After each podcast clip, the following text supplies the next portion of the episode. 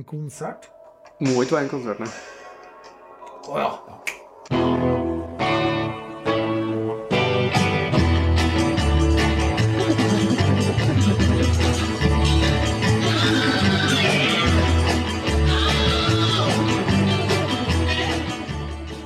Ryuichi Sakamoto, Six Six Sputnik, Break Beats, Serge Gainsbourg.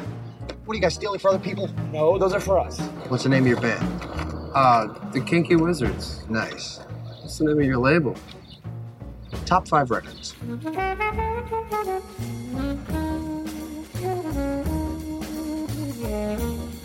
Hei, og velkommen til Radio Tidsmaskin.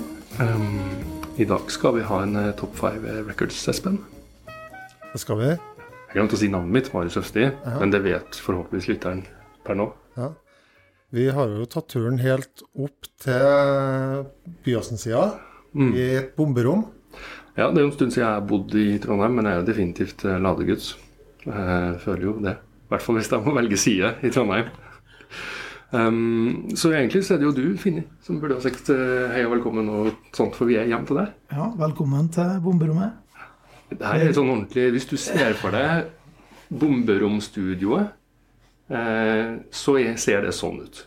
Det henger et utvalg gitarer på, på veggen. Det er en banjo her. Det er eh, et eh, trommesett, eh, masse synter, og ikke minst et stort, svart kjøleskap med isbitmaskin.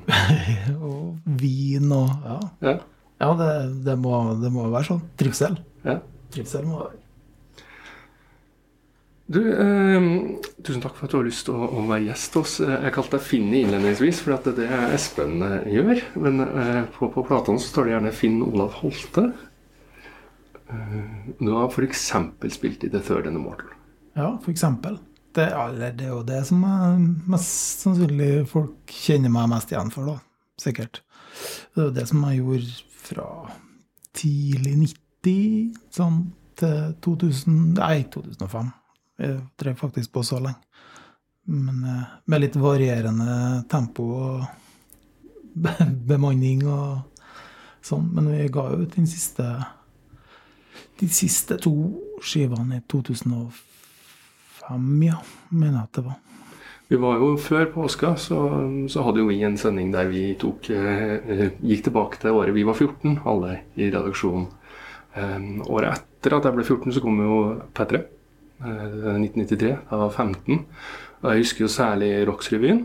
Og så husker jeg særlig at det var to band som, som jeg liksom ble kjent med gjennom Rocksrevyen, som satt igjen. Og da hører du med til historien at jeg hadde liksom et sånn goth-gen i meg og et metal-gen i meg. Og så husker jeg Red Harvest og Third and Mortal. Ja, Fra Rocksrevyen. Red Harvest, det var bra. De Det var, var Third and ja, Mortal altså. ja, jo, men jeg er litt sånn eh, Kan, kan en kalle, kalle det inhabil. Men jeg, jeg, husker jo, jeg husker jo den perioden her. Det var jo veldig mye artige band, og det var mye forskjellig Det var et veldig bra et, et, det var et bra tiår, 90-tallet, egentlig. Hvis en skal oppsummere det, tenker jeg. Sjølskryt kommer jo gjerne fra hjertet, da. Så bare kjør på her da, Finni. Ja, nei, men jeg tror at vi, jeg tror at vi har eh, etterlatt oss eh, visse spor. Men altså Dere spilte noen ganske store turneer. eh, Ja, sånn eh, Altså, det, på den tida så var det fortsatt bra til å være norsk, da. så det var kanskje, kanskje mer der, da. At det var bra til å være eh, I hvert fall sånn eh, smålabel-band på den derre velkjente dere punkerutene, som vi kalte dem den gangen. Det var jo litt sånn lugubre plasser nedover i Europa. Med varierende størrelse og kvalitet. Men det, det er jo en fantastisk lærdom og utrolig artig å, å være på. eh, Spesielt, etterpå, når du er ferdig og kan tenke tilbake på de bra tingene. Dere var jo utafor Europa òg? Hei, ja Vi øh? Nei, det, var, det ble spilt en konsert i Mexico. Ja, riktig. Den har jeg hørt om seg. Eh, den var jeg faktisk forhindra fra å være med på, så det kan ikke jeg si noe mer om. Annet enn at det, det var veldig mye folk. Ja, vi var det, vet du. Hæ? Ja, hvor mange var det? Nei, Jeg har eh, hørt litt forskjellig. jeg har hørt litt forskjellig, jeg òg, men hvis jeg sier at det var Det var over 10 000. Uh, og det er jo litt interessant med tanke på at vi, jeg tror ikke vi har solgt det i plate eller i Mexico. Og alle sammen sto og sang med. Så det er litt sånn bootlegginga har kommet i, i, i forkjøpet. Tror, eh, for, for å høre en versjon til av den historien, så tror jeg du kan kjære lytter, gå tilbake i arkivet og høre på sendinga vår med Ja. eh, Som sagt, jeg, jeg stiller meg helt eh, For jeg, i og med at jeg, jeg, sto ikke på den scenen den dagen. sendinga vår med helt, helt jernteppe. Kirsti Huke.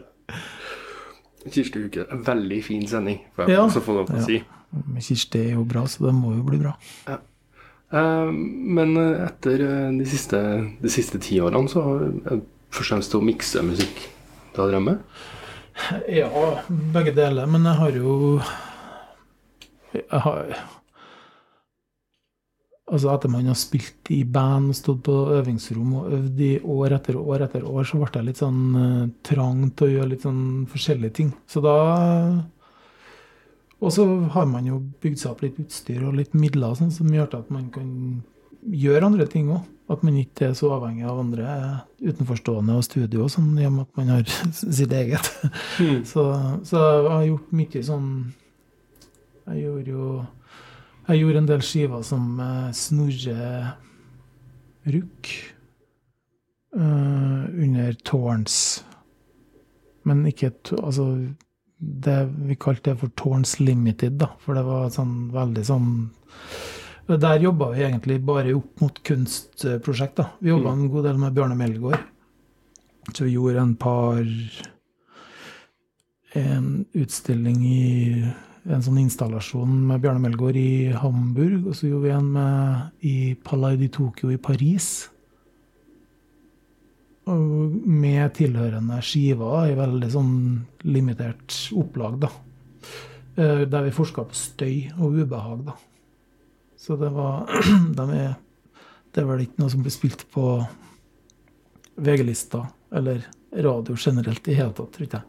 Eh, Og de har for øvrig spilt inn og, og miksa i surround òg, for installasjonene sin del. Så det, men der forska vi rett og slett på ubehagelige lyder. Og det, det ser man av bildene på utstillinga, hvor folk står og holder for ørene. Så jeg tror vi, vi traff vel mer eller mindre rett. Og der har du forska på å putte mikrofoner inn i tørketromler og sånn? Eller Ja, ja vi, det var, vi hadde egentlig gjorde det meste der. Vi hadde ordna oss en sånn fin surround-opptaker bestående av en rockering og masse mikrofoner som vi for og sprang med. Og det funka. Enkle ofte det beste, som man sier. Så, men eh, ja. Så, men også gjorde vi ei skive til i, i Whitney-museet, som er en utstilling som sto ja, den sto faktisk i et år eller to, tror jeg, på Whitney-museet på Manhattan. Sammen med en som, kunstner som heter Banks Violet. Nå er ikke Radio Tidsmaskin redd for eh, støy og ubehagelig musikk eh, på noe som helst vis, men vi, vi konfererte oss eh, fram eh, sammen med deg at vi skulle spille eh, en, en, ting du har miksa for eh, Terry Hale og Tunnel Trap. Ja, jeg, jeg spiller på den, ja. Jeg har Ja. ikke miksa på Nei, den, ok. nei. Så jeg, har, jeg, jeg spiller gitar sammen med Andreas Elvenes, blant annet, og Terry Hale og Ja, nå fikk jeg litt sånn jernteppe. Kyrre Låstad på tromma. Fantastiske folk.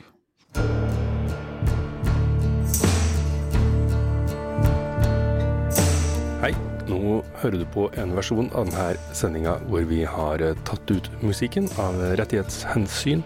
Om du har lyst til å ha eh, musikk i musikkradioen din, så finner du hele sendinga med låtene i på radiotidsmaskin.no. Nå ja, ehm, alltid deilig å høre stemmen til Andreas eh, Elvenes. Det er det, da. Stemmen til, til, til opptil flere av Radio Tidsmaskinens jingler også. Vi skal gå løs på dine Top 5 records. Ja. Eh,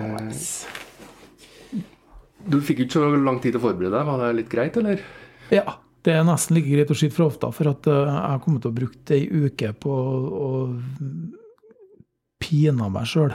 Nå måtte jeg bare ta et sånt kjapt valg som er på en måte sånn skiver som, har, som jeg har hørt mye på, som betyr mye for meg. Men de er jo som sagt en av Veldig, veldig, veldig mange. Du er en av få. Jeg lurer på om du er den andre eh, gjesten som faktisk har prøvd De lager ikke så fin lyd, sånne CD-er, men som faktisk har en bunke. Vi har en bunken. Din, din fysiske Ja, ja, topp records-bunke ligger foran oss her. Det, altså, når det kommer til en par, så har jeg faktisk slettet ut en par CD-er Ja. som er spilt sunn. Det er jo egentlig da, da har man jo kanskje spilt det nok. Øverst i bunken så står det King Crimson Red. Ja. Den plate plata fra 1974. Det snakka vi om også forrige gang. Også potensielt en av verdens beste musikkår fordi at oljekrisa gjorde at ekstra mange plater kom ut det året. Ja. Som vi ellers ville ha kommet til 73, men da var det ikke nok olje til å lage vinyl. Nei, nei det, det var usynt for meg, men det, det er jo Det er jo Det er jo ei skive som er helt Ja, hva skal en si? Langt før sin tid og tåler tidas tann mer enn noe annet, nesten. Mm. Det Jeg var jo ikke Altså, jeg var jo ikke en av dem som oppdaga dem på ungdomsskolen, da, men jeg, jeg, jeg var nok en 18-19 før jeg datt borti Eller jeg, jeg begynte med førsteskiva til Crimson, da. Men så havna jeg med by accident over på den der, og da Den har jeg virkelig hørt mye på, og den har betydd mye for meg, i hvert fall. Musikalsk og, og Robert Fripp, selvfølgelig. Men det er jo litt, Verdens beste gitarist. det var litt interne stridigheter i ja, blant fansen om hva som er den beste plata. Men hva, hvorfor lander du på den? Eh, hva skal jeg si?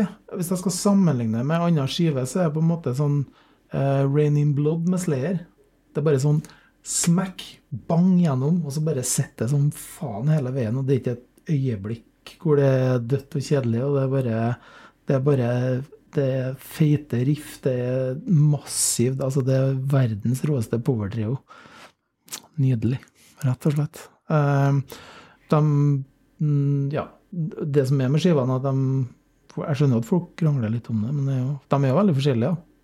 For det er jo alltid fra nisser og troll og tverrflyte til Og den der er jo mye mer sånn Det er jo en oppvisning i feite riff, den plata der, da. Gitarriff. Jeg, det er noe av det jeg syns er kult med den, at det er bare Det kverner bare på, liksom, og det bare går og går og går, og det er bare Jeg har jo liveopptakene, og det er jo helt Ja, det er jo Det er jo en eh, maktoppvisning uten sidestykke. Og var det like lett å velge sang fra plata? Nei, det var det ikke. Men eh, Ja, de, de er jo Men det, det er kanskje to-tre som, som skiller seg ut litt. Grann, da. Eh, som, altså Red, tittelsporet, syns jeg er bra. Og så Stales er jo liksom den Ja, det er jo så vakkert at det Man har jo ikke hørt gitarspilling som det er verken før eller etterpå. Men eh, jeg tenker Fallen Angel syns jeg, synes jeg er litt kanskje den som jeg kunne tenkt meg å ha hørt her, da, for at det, der er det Der har du Der er det ja, Som gitarist, i hvert fall, så er det bare helt Hva tror du? Faen, det er, så, det er så godt at noen bare trør til, for at det er så annerledes enn Det er det Ja, det ligner ikke på noe annet. Det er ingen som spiller sånn som det her. Det er ingen som harver så jævlig på gitaren sånn som det her, og i hvert fall ikke da. Alle sammen sto og spilte sånn Ja, eller var jo en del bråkegitarister i andre sjangre, men i hvert fall i den sjangeren der som er kanskje litt mer progga, så var det i hvert fall ikke noen som var i nærheten av det. Må kanskje på sånn Stooges og MC5 og sånn for å finne noen som tør å trø til sånn på gitar, som de gjorde der, da. Du, eh, vi skal straks eh, få høre det. Eh, men jeg tenkte å spørre deg, du sa at du var sånn 18-19 når du oppdaga det. Men, men hvordan var det musikken her fant deg? Eller du fant den? Du, det kommer egentlig i, fra skiva under. Mm. Jeg er jo en Jeg har vært en kronisk David Bowie-fan siden jeg var veldig liten. Og det, det var sånn Jeg hadde nesten komplett Bowie-samling når jeg gikk i tredjeklassen på skolen. Uh, Hvilken tredjeklasse? tredje klasse? på barneskolen. Så da var jeg, når jeg var ti år Ja, ni år, så kom uh,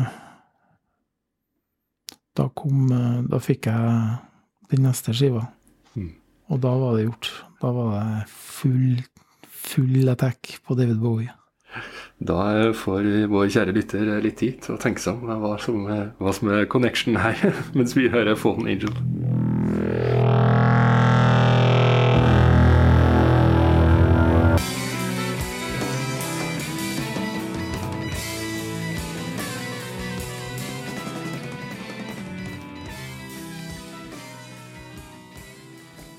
Tror eh, et av mine aller sterkeste altså Når jeg ble Bowie-fan, eh, ikke bare hadde hørt på Bowie, eh,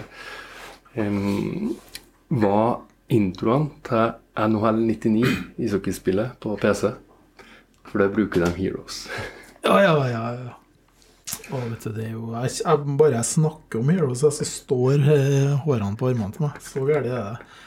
Ja. Jeg, jeg, jeg kunne Når eh, jeg hadde kjøpt meg Jeg hadde kjøpt meg siste skiva til Bowie, som kom rett rundt da han døde. Og den lå pakka inn i ett og et halvt år før jeg klarte å høre på den. Etter han døde. Det var Og det er ikke tull, altså. Jeg var, eh, det var, jeg var nesten i sorg. Jeg, det var Ja, det er virkelig kanskje det som har hunget meg lengst og mest. Jeg også var sjokkert over hvor mange det gikk inn på meg. Eh, definitivt en, en, en Bobby-fan, men altså Man begynner jo å bli vant med at musikere dør etter hvert. Jeg tenker For meg så kanskje Lou Reed som var den aller, aller største. Men på et eller annet vis så ble jeg mer rørt. Det føles som det er noe større som mangler Ja. i verden. ja. David ja, men, ikke minst men, men det er jo det. Altså, det er jo Han hadde jo alt. Han hadde jo han hadde integritet. Han hadde en smak utenom det vanlige. Han var Han, eh, han torde virkelig, da. Og, inni, og innimellom så hadde han Robert Fripp på gitar. Ikke minst. Det er jo en, Alle sammen burde ha hatt Robert Fripp på gitar. Det er jo Ja, hva skal en si? Min største ledestjerne, i hvert fall sånn Kanskje ikke sånn musikalsk eh, sett, men eh, på gitar. Det, den gitaren der kjenner vi igjen overalt. Spiller ikke rolle hva du hører på, du, den, den kommer bekkene inn overalt, den der. Jeg innså at jeg bløffa litt. eh, At jeg allerede var ganske stor fan av Bowie i 99, når det spillet kom, fordi at jeg hadde flytta til Trondheim og uh, bodd bl.a.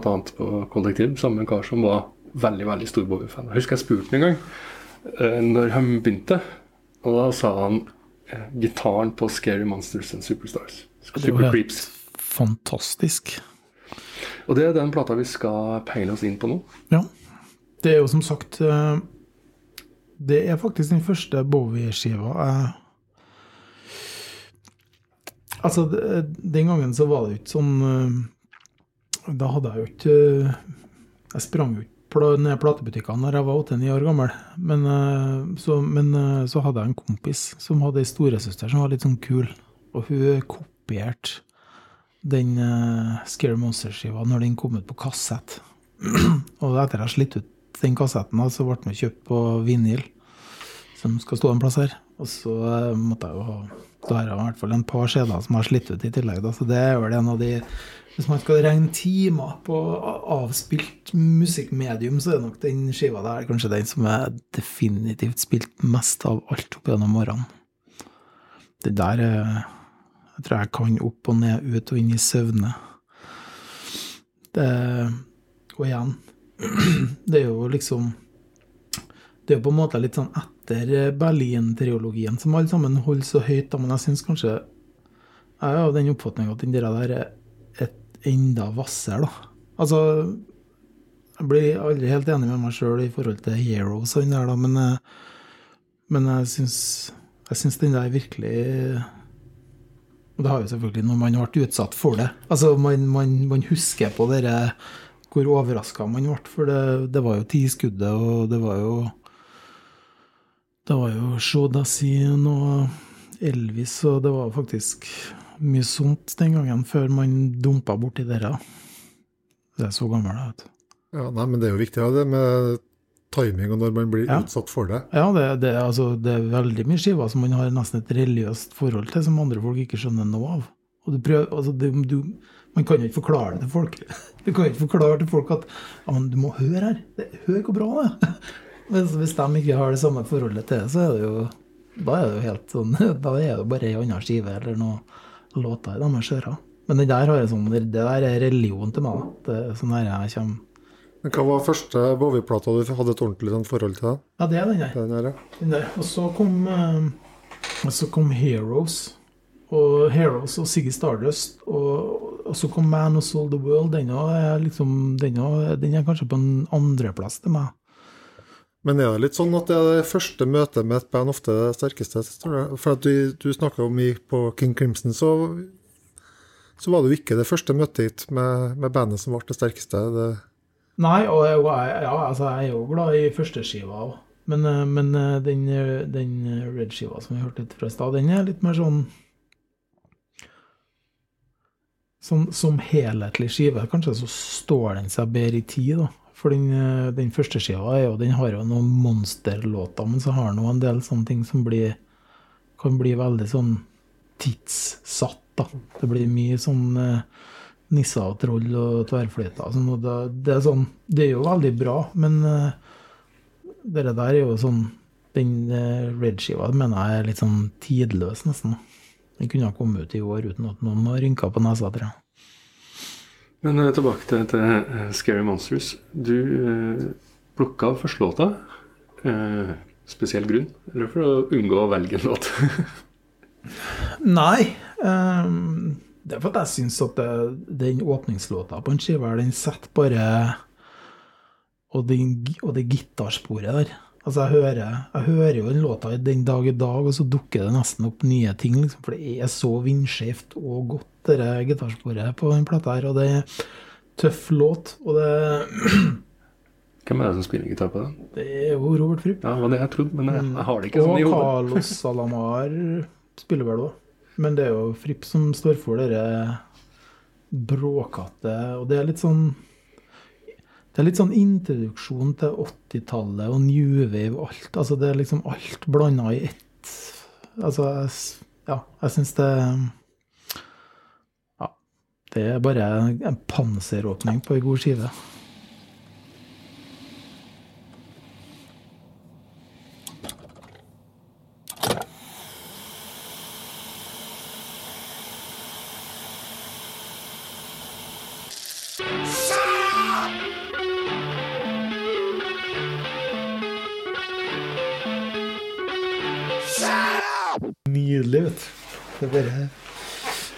Så godt.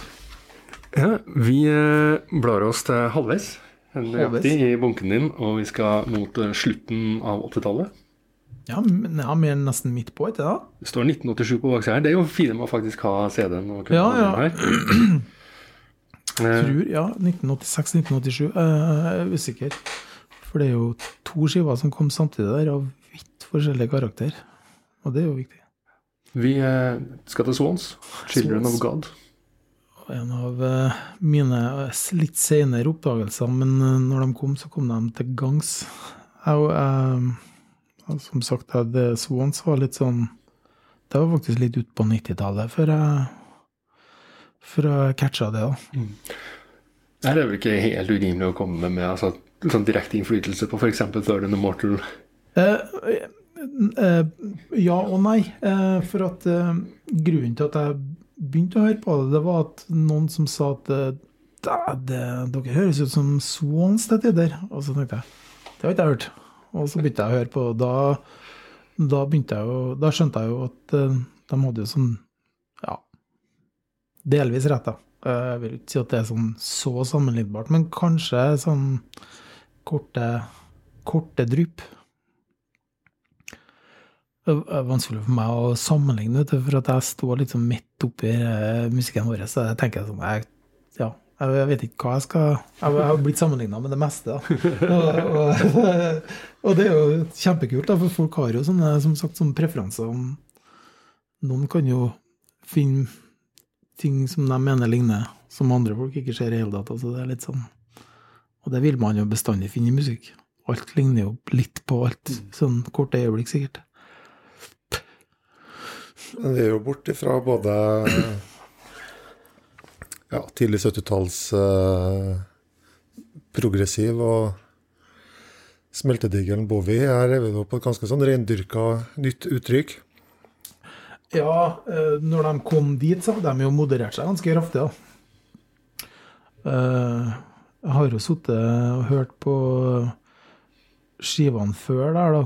Uh, 'Public castration is a good idea' og det greiene her. Og det er jo som jeg bruker å si til en eh, Gjermund, uh, kompis av meg som spiller i Hoppaland Knut at uh, hvis du kommer deg gjennom den Public Castration-skiva og syns at egentlig livet er ålreit etterpå, så har du, da tåler du alt.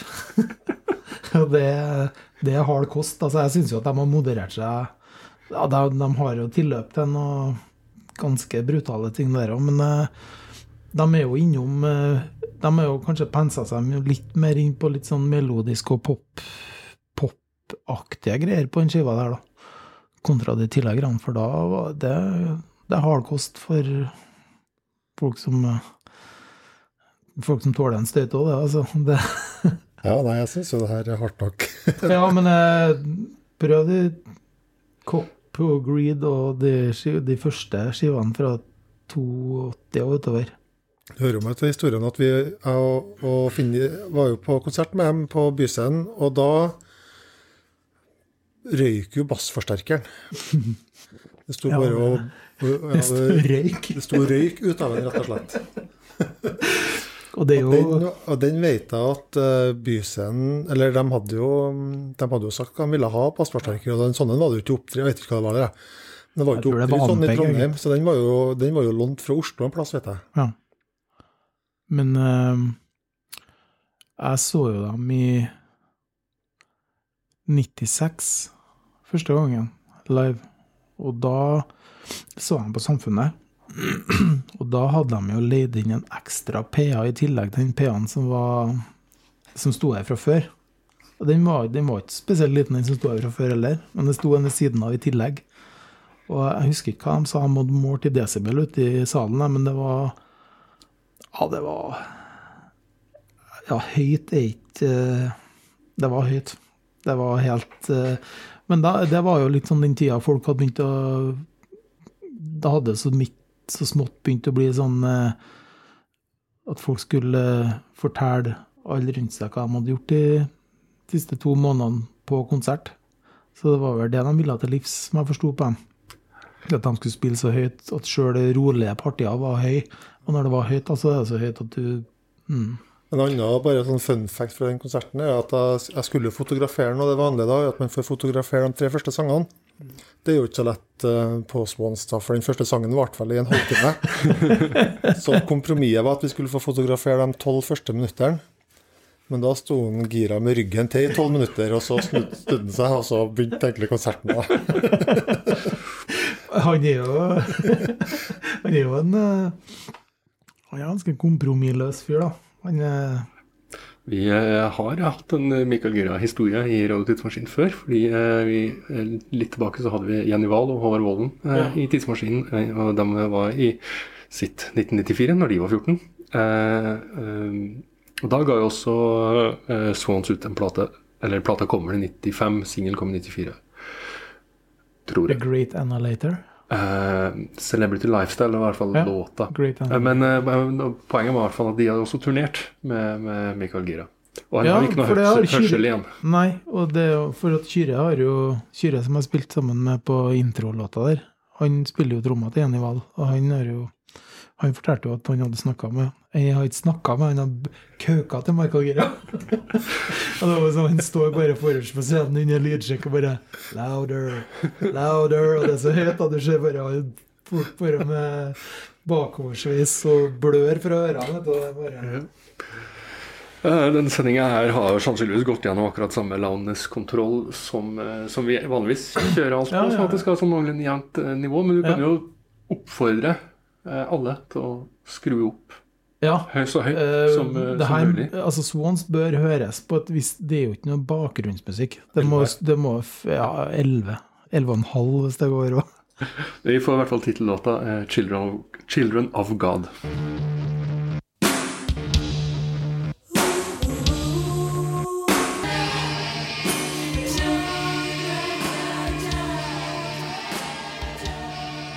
Konserten vår hvordan han står og dirigerer.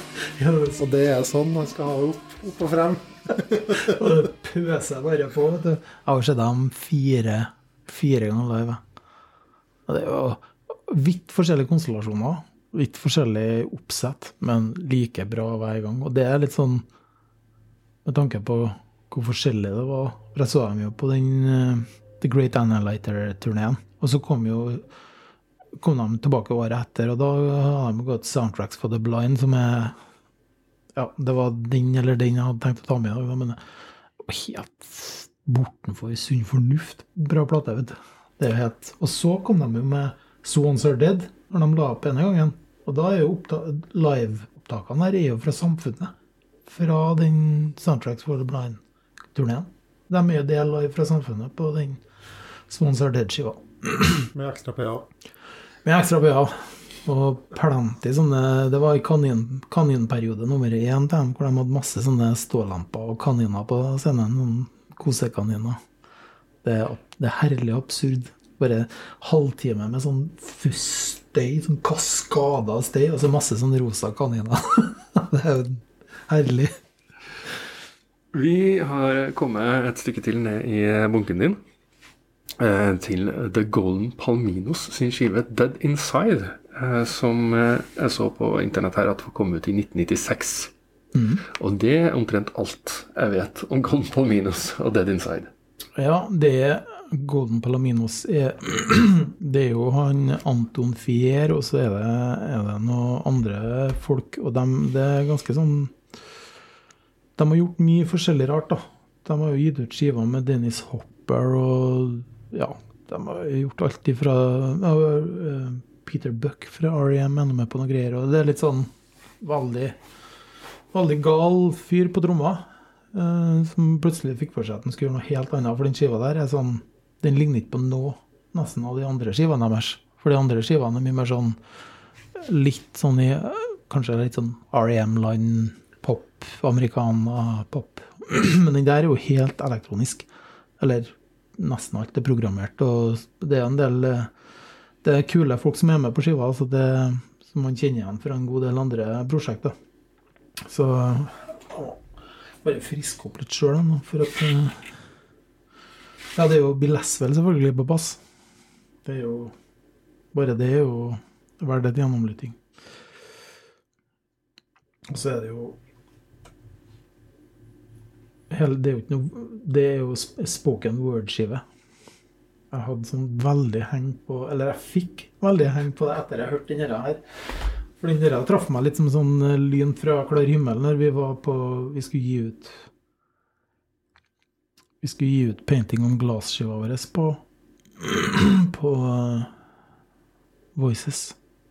Når vi var på der, så var det til Og jeg, jeg tror det var Rolf Yngve Uggen, gitarist i Lucifer, som var fiska inn til meg og sa at dette må du høre på. Og det gjorde jeg. Og det gjorde jeg mye. Lenge. Den der, eh, den der var en sånn liten sånn game changer, for at det var langt unna rock og mye av det jeg hørte på fra før. Men eh,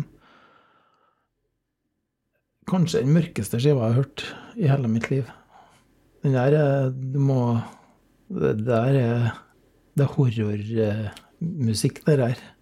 Det, de tekstene her, de er så Ja, det er så Ja, det er mørkt. Skikkelig mørkt og godt. Det, det er ikke mye håp der i gården. Så det er en naturlig etterfølger av Swans, da. Ja, men på en helt annen måte, da. Uh, musikken i seg sjøl er jo mer sånn uh, Hva skal jeg si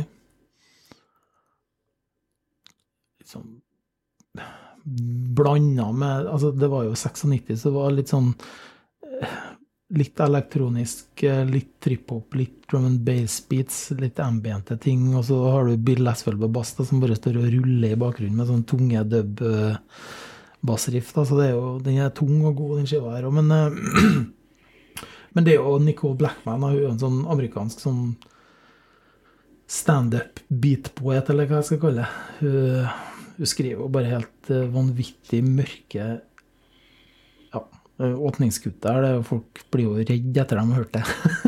Ja, nå- Det er ubehag. Nå er jeg spent.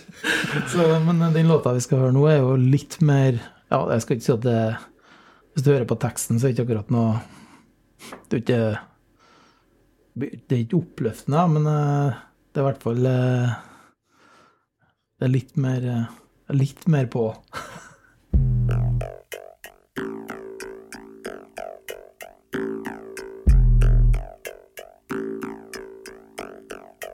Det er ikke så langt unna ting som kunne ha solgt ganske mye i Nei, 1996. Nei, Og den, den plata her er Altså, jeg tror rett og slett at den gikk litt under radaren til folk, for det var så mye andre bra ting som kom. Mm. Rett og slett. Jeg tror for at den der kom jo litt sånn i samme draget som Mezzanine? Nei. Jo. Ja, altså Future. Sound og London og Prodigy. Altså, Litt sånn i samme draget. sånne Har ikke helt Kule ting som var Det var mye, det var mye bra som kom den tida der. Tricky og Portishead og Ja. Bristol-bølgen var vel òg Ja, altså jeg tror at det var liksom eh, Og så er han et knepp for mørk, da. Det er ikke noe sånn eh, Det er ikke noe sånn uh, vin, vin og jordbær og lett eh, sånn bekmørk døds eh, i bakgrunnen er ikke akkurat liksom Det er jo så bra. Jeg har, jeg eh, ingenting vondt å si om de her eh, Portishead-platene fra samme tid, men de passa veldig godt i bakgrunnen på kafé. Det, Ja, ja, det er i bakgrunnen, ja. Men det er jo liksom de tekstene her, da.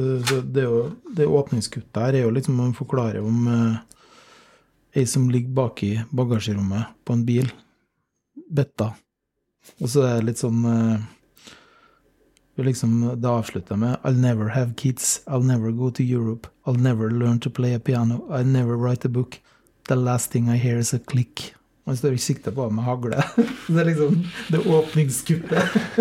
Så jeg skjønner jo at det ikke er noen sånn eh, Man forstår jo at det blir en sånn sleger. Men det er for dem som liker litt sånn sånne ting, så er det en nydelig skive, rett og slett. Ja, men jeg kjenner at så langt, altså, Kanskje litt fordi de andre tingene kjenner jeg godt, men det skal nok gå videre og høre mer på Golden uh, Ja, Palominos. Uh, passer veldig godt i fremover, altså. et headset. Uh. Fins på Spotify også. Ja. Um, du, vi har kommet til siste plata i uh, bunken din. Uh, David Sylvian, 'Gone to Earth'. Det er et sånt navn som jeg selvfølgelig kjenner godt til, men har jeg egentlig hørt noe særlig på noe han har gjort noen gang? Spør jeg meg sjøl. Ja. ja, det er kanskje som David Sylven som det er med en del andre ting. Enten så, så liker du du, eller så liker du det veldig mye. Jeg vet ikke om jeg vet, Enkelte artister har sånn Enten så liker man det skikkelig, eller så får man ikke foten i hele tatt. Det er ikke noe som man liker lite grann. Jeg vet ikke om det kan være det, eller Jeg liker det veldig, veldig, veldig godt. Um, Jeg er en stor fan. Sett den live har jeg faktisk fått det gjort, da. Faktisk sett den låta vi skal høre etterpå live, og det var Jeg har Jostein Hansnes. Det var Hårene på armene sto sånn ca. 10 cm opp i lufta. Fantastisk. eh, Helt eh, En stemme som eh, Og han og deg, han også har jo litt det Han har jo litt det David Bowie-angrepet på popmusikk. Altså, det er popmusikk, men det er jo ganske Altså, tør, da, å gå et skritt utom og videre. Og så klarer de, som, og så klarer de å hente seg inn likevel, sånn at det blir ikke bare sånn ja, Ikke for det.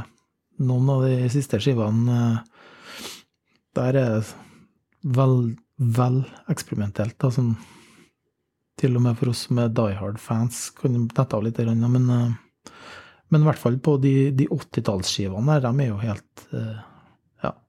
Ja. Ja, fordi at eh, jeg forbinder jo David Sylvan med, med Japan og 80-tallet veldig, og, og Uh, nært beslekta med ting jeg er veldig glad i, så jeg tror det Jeg vet ikke hvorfor jeg ikke har hørt så mye på den, men den plata her er så vidt jeg kan se, fordi at det er sånn liten skrift på baksida av dette coveret som jeg kan sitte og holde i hånda, 2000 og litt? 2001 eller noe sånt? Eller er det en reutgivelse? Det er reutgivelse, Ja. for det er 1986. Ja. Det er det samme året som flere skiver. Det kom jo veldig mye bra Mm. eh, det året. Er Master of Puppets med Metallica, Raining Blood med Slayer, Swans-skiva der kom jo rett etterpå. Så den er jo Men det er jo en helt annen verden igjen. Nå, det her er jo Hva skal jeg si Pop. uh, ja, jeg vil kalle det popmusikk. Mm. Men uh, de har jo de, eh, Det er jo en fantastisk produksjon. Uh, helt utrolig mye bra musikere han har med seg. Og så er det jo sånn poplåter på tolv minutter og sånn. Det er jo bestandig bra. Hvor og når ble du introdusert for det her, da? Eh,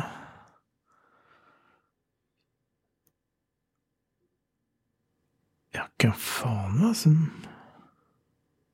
Fant du det i 86 cirka, eller? Nei, jo, nå skal du høre. Uh, nå kommer jeg på. Eh, for det var skiva Skiva som kom etter den der, uh, med atter en gang vår gode venn eh, Robert Fripp. Altså David Sylvian og Robert Fripp, The First Day, tror jeg skiva heter.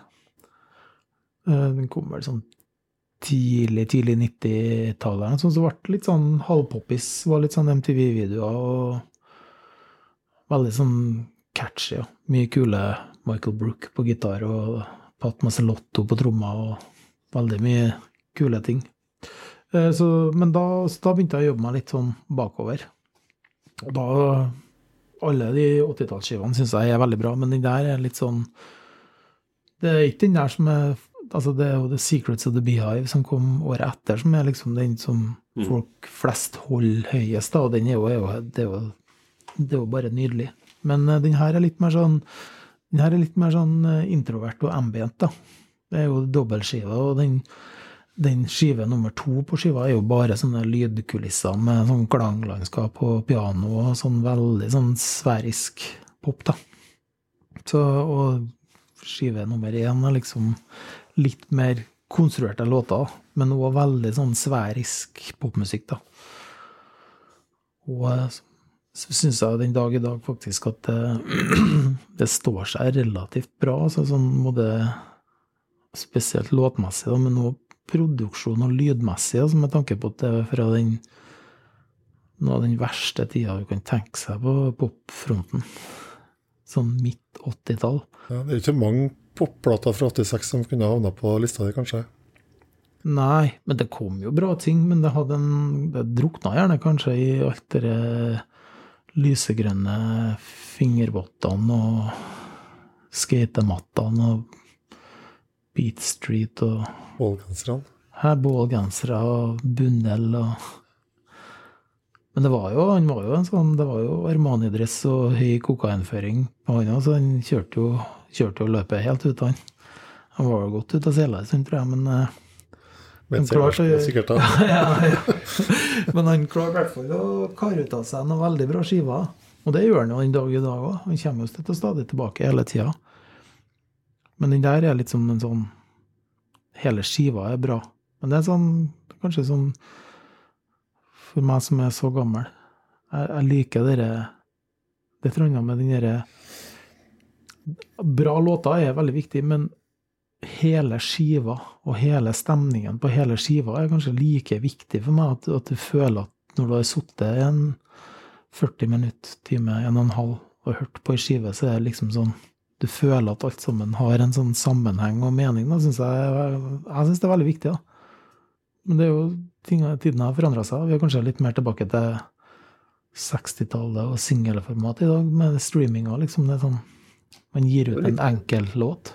Ja, det er jo det som er, er standard, men du får jo også litt den der motsetning til la oss si 90-tallet. At hvis du først skal gi ut alt album nå, så kan det like gjerne være et konsertalbum. For du, Ja. du må mene noe med Hvis det skal være noe vits i å bruke albumformatet, så Ja, du ja. gjøre noe med det. Ja, ja. Det ser du jo også hva Ja. Beyoncé gjør, f.eks. At hvis du først skal Du trykker til med, med konseptalbumer som aldri før også. ja. Det blir litt av enten eller. Ja. Så spørs det jo på konseptet, da. Men du slipper i hvert fall det der 90-tallsalbumene der alle platene plutselig blir 70 minutter Ja. uten at nødvendigvis alle musikerne i verden ble 50% bedre. Nei, nei. Det var jo Ja. Ja, det er jo Jeg skal ikke si noen ting. Vi har, vi har låter på 20 minutter sjøl, vi, så Jeg er glad i lange låter. Ja. Altså, det er mange, mange som fint kan fylle 17 minutter, men det er ikke det er mystisk hvordan det hadde en sammenheng med at platene ble At det var lettere å putte inn noe ting på plata. Ja. Du, det har vært veldig hyggelig å ha deg her. Vi skal ikke si helt takk og farvel enda. Eh, vi har et siste spørsmål til deg. Eh, som du skal få lov til å grunne på litt mer, eh, mens vi da hører 'Before the Bullfight' med David Sylvia.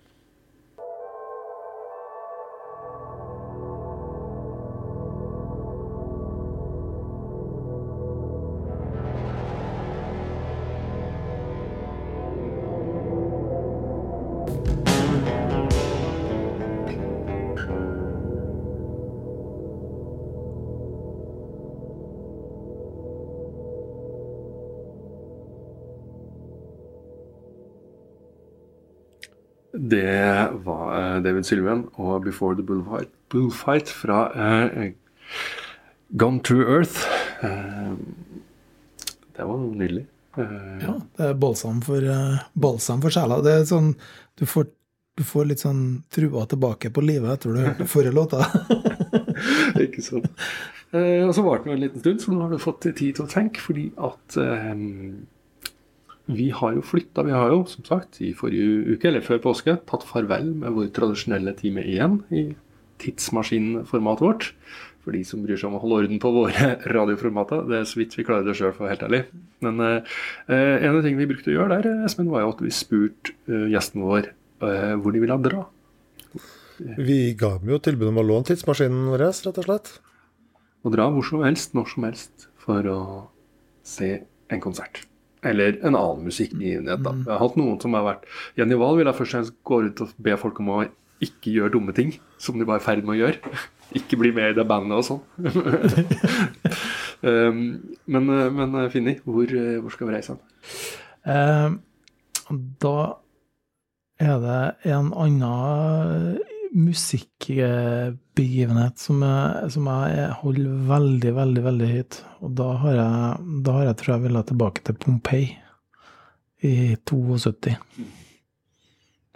Og sittet oppi der og hørt når de spilte inn live at Pompeii. Det, det tror jeg må være nå er jeg klar over at det er editert i ettertid at det er så bra som det er på DVD-en, er det jo ikke i det virkelige liv. Eh, Men jeg tror fortsatt at det, den, den, det er òg en sånn innspilling som til meg står veldig høyt, da. Mm. Som jeg kikka mye på, som jeg syns er fantastisk sånn god stemning. Sånn eh, nydelig og artig konsept. Så Så når du sitter der da, for deg sjøl, for Ja, ja. publikum, ja. så du sitter sånn diskré, sånn at du ikke blir med på ja. eh, hvilken låt er det du gleder deg skikkelig til at de skal komme til da? Ja, det er jo Echoes. Når de begynner å synge duett der, så er det jo Det er jo fantastisk bra. Tusen takk for at vi fikk komme på besøk til deg. Ja, bare hyggelig. Tusen takk for at jeg fikk være med. Det er jo bestandig artig å prate musikk. Kunne jo gjerne prata musikk i ti timer til. Espen har lovt oss i redaksjonen i hvert fall, at vi skal få en, en, en innføring i fransk nymetall i, av deg på et eller annet tidspunkt. Ja, Vi er jo flinke til å love ting som vi ikke helt gjennomfører med det første, men det har jo lang tid. Jeg har har grunna litt på det, for det, det skjer jo faktisk veldig mye kult på metallfronten. For jeg jeg er jo veldig glad I dag har jeg jo lagt nesten bare pop, men eh, jeg er jo veldig glad i sånn eh, Jeg syns det er artig med folk som gjør litt andre ting, da. Så det er en del eh, Du har noen sånne franske sånn post-metal-band som er veldig, veldig kule, da. Så det Der er det litt å Jeg må bare få en liten oversikt over de forskjellige tingene. Ja. Nei, men vi En eller annen gang. ti- teaser nå, altså vi satt uh... Vi har eh, holdt på med det her programmet vårt i snart fem år, faktisk. Og vi har ikke tenkt å slutte. Så, så i løpet av Nei, vi er jo eh, et, noen år Vi er jo et bomberom her, så det er jo Det står mest sannsynlig det. Her kunne det lages radio lenge. Her kunne det lages radio lenge. Da håper vi at vi får, får komme tilbake til, til bomberommet ditt seinere. senere. Da avslutter vi denne sendinga med å ta turen til Pompeii og 1972, ikke sant? Ja, jeg mener på at de har spilt inn i 72 Altså, det er rundt samtidig som de spilte inn eh, Dark Side of the Moon. Og så får vi Pink Floyd og Echoes fra Live at Pompeii.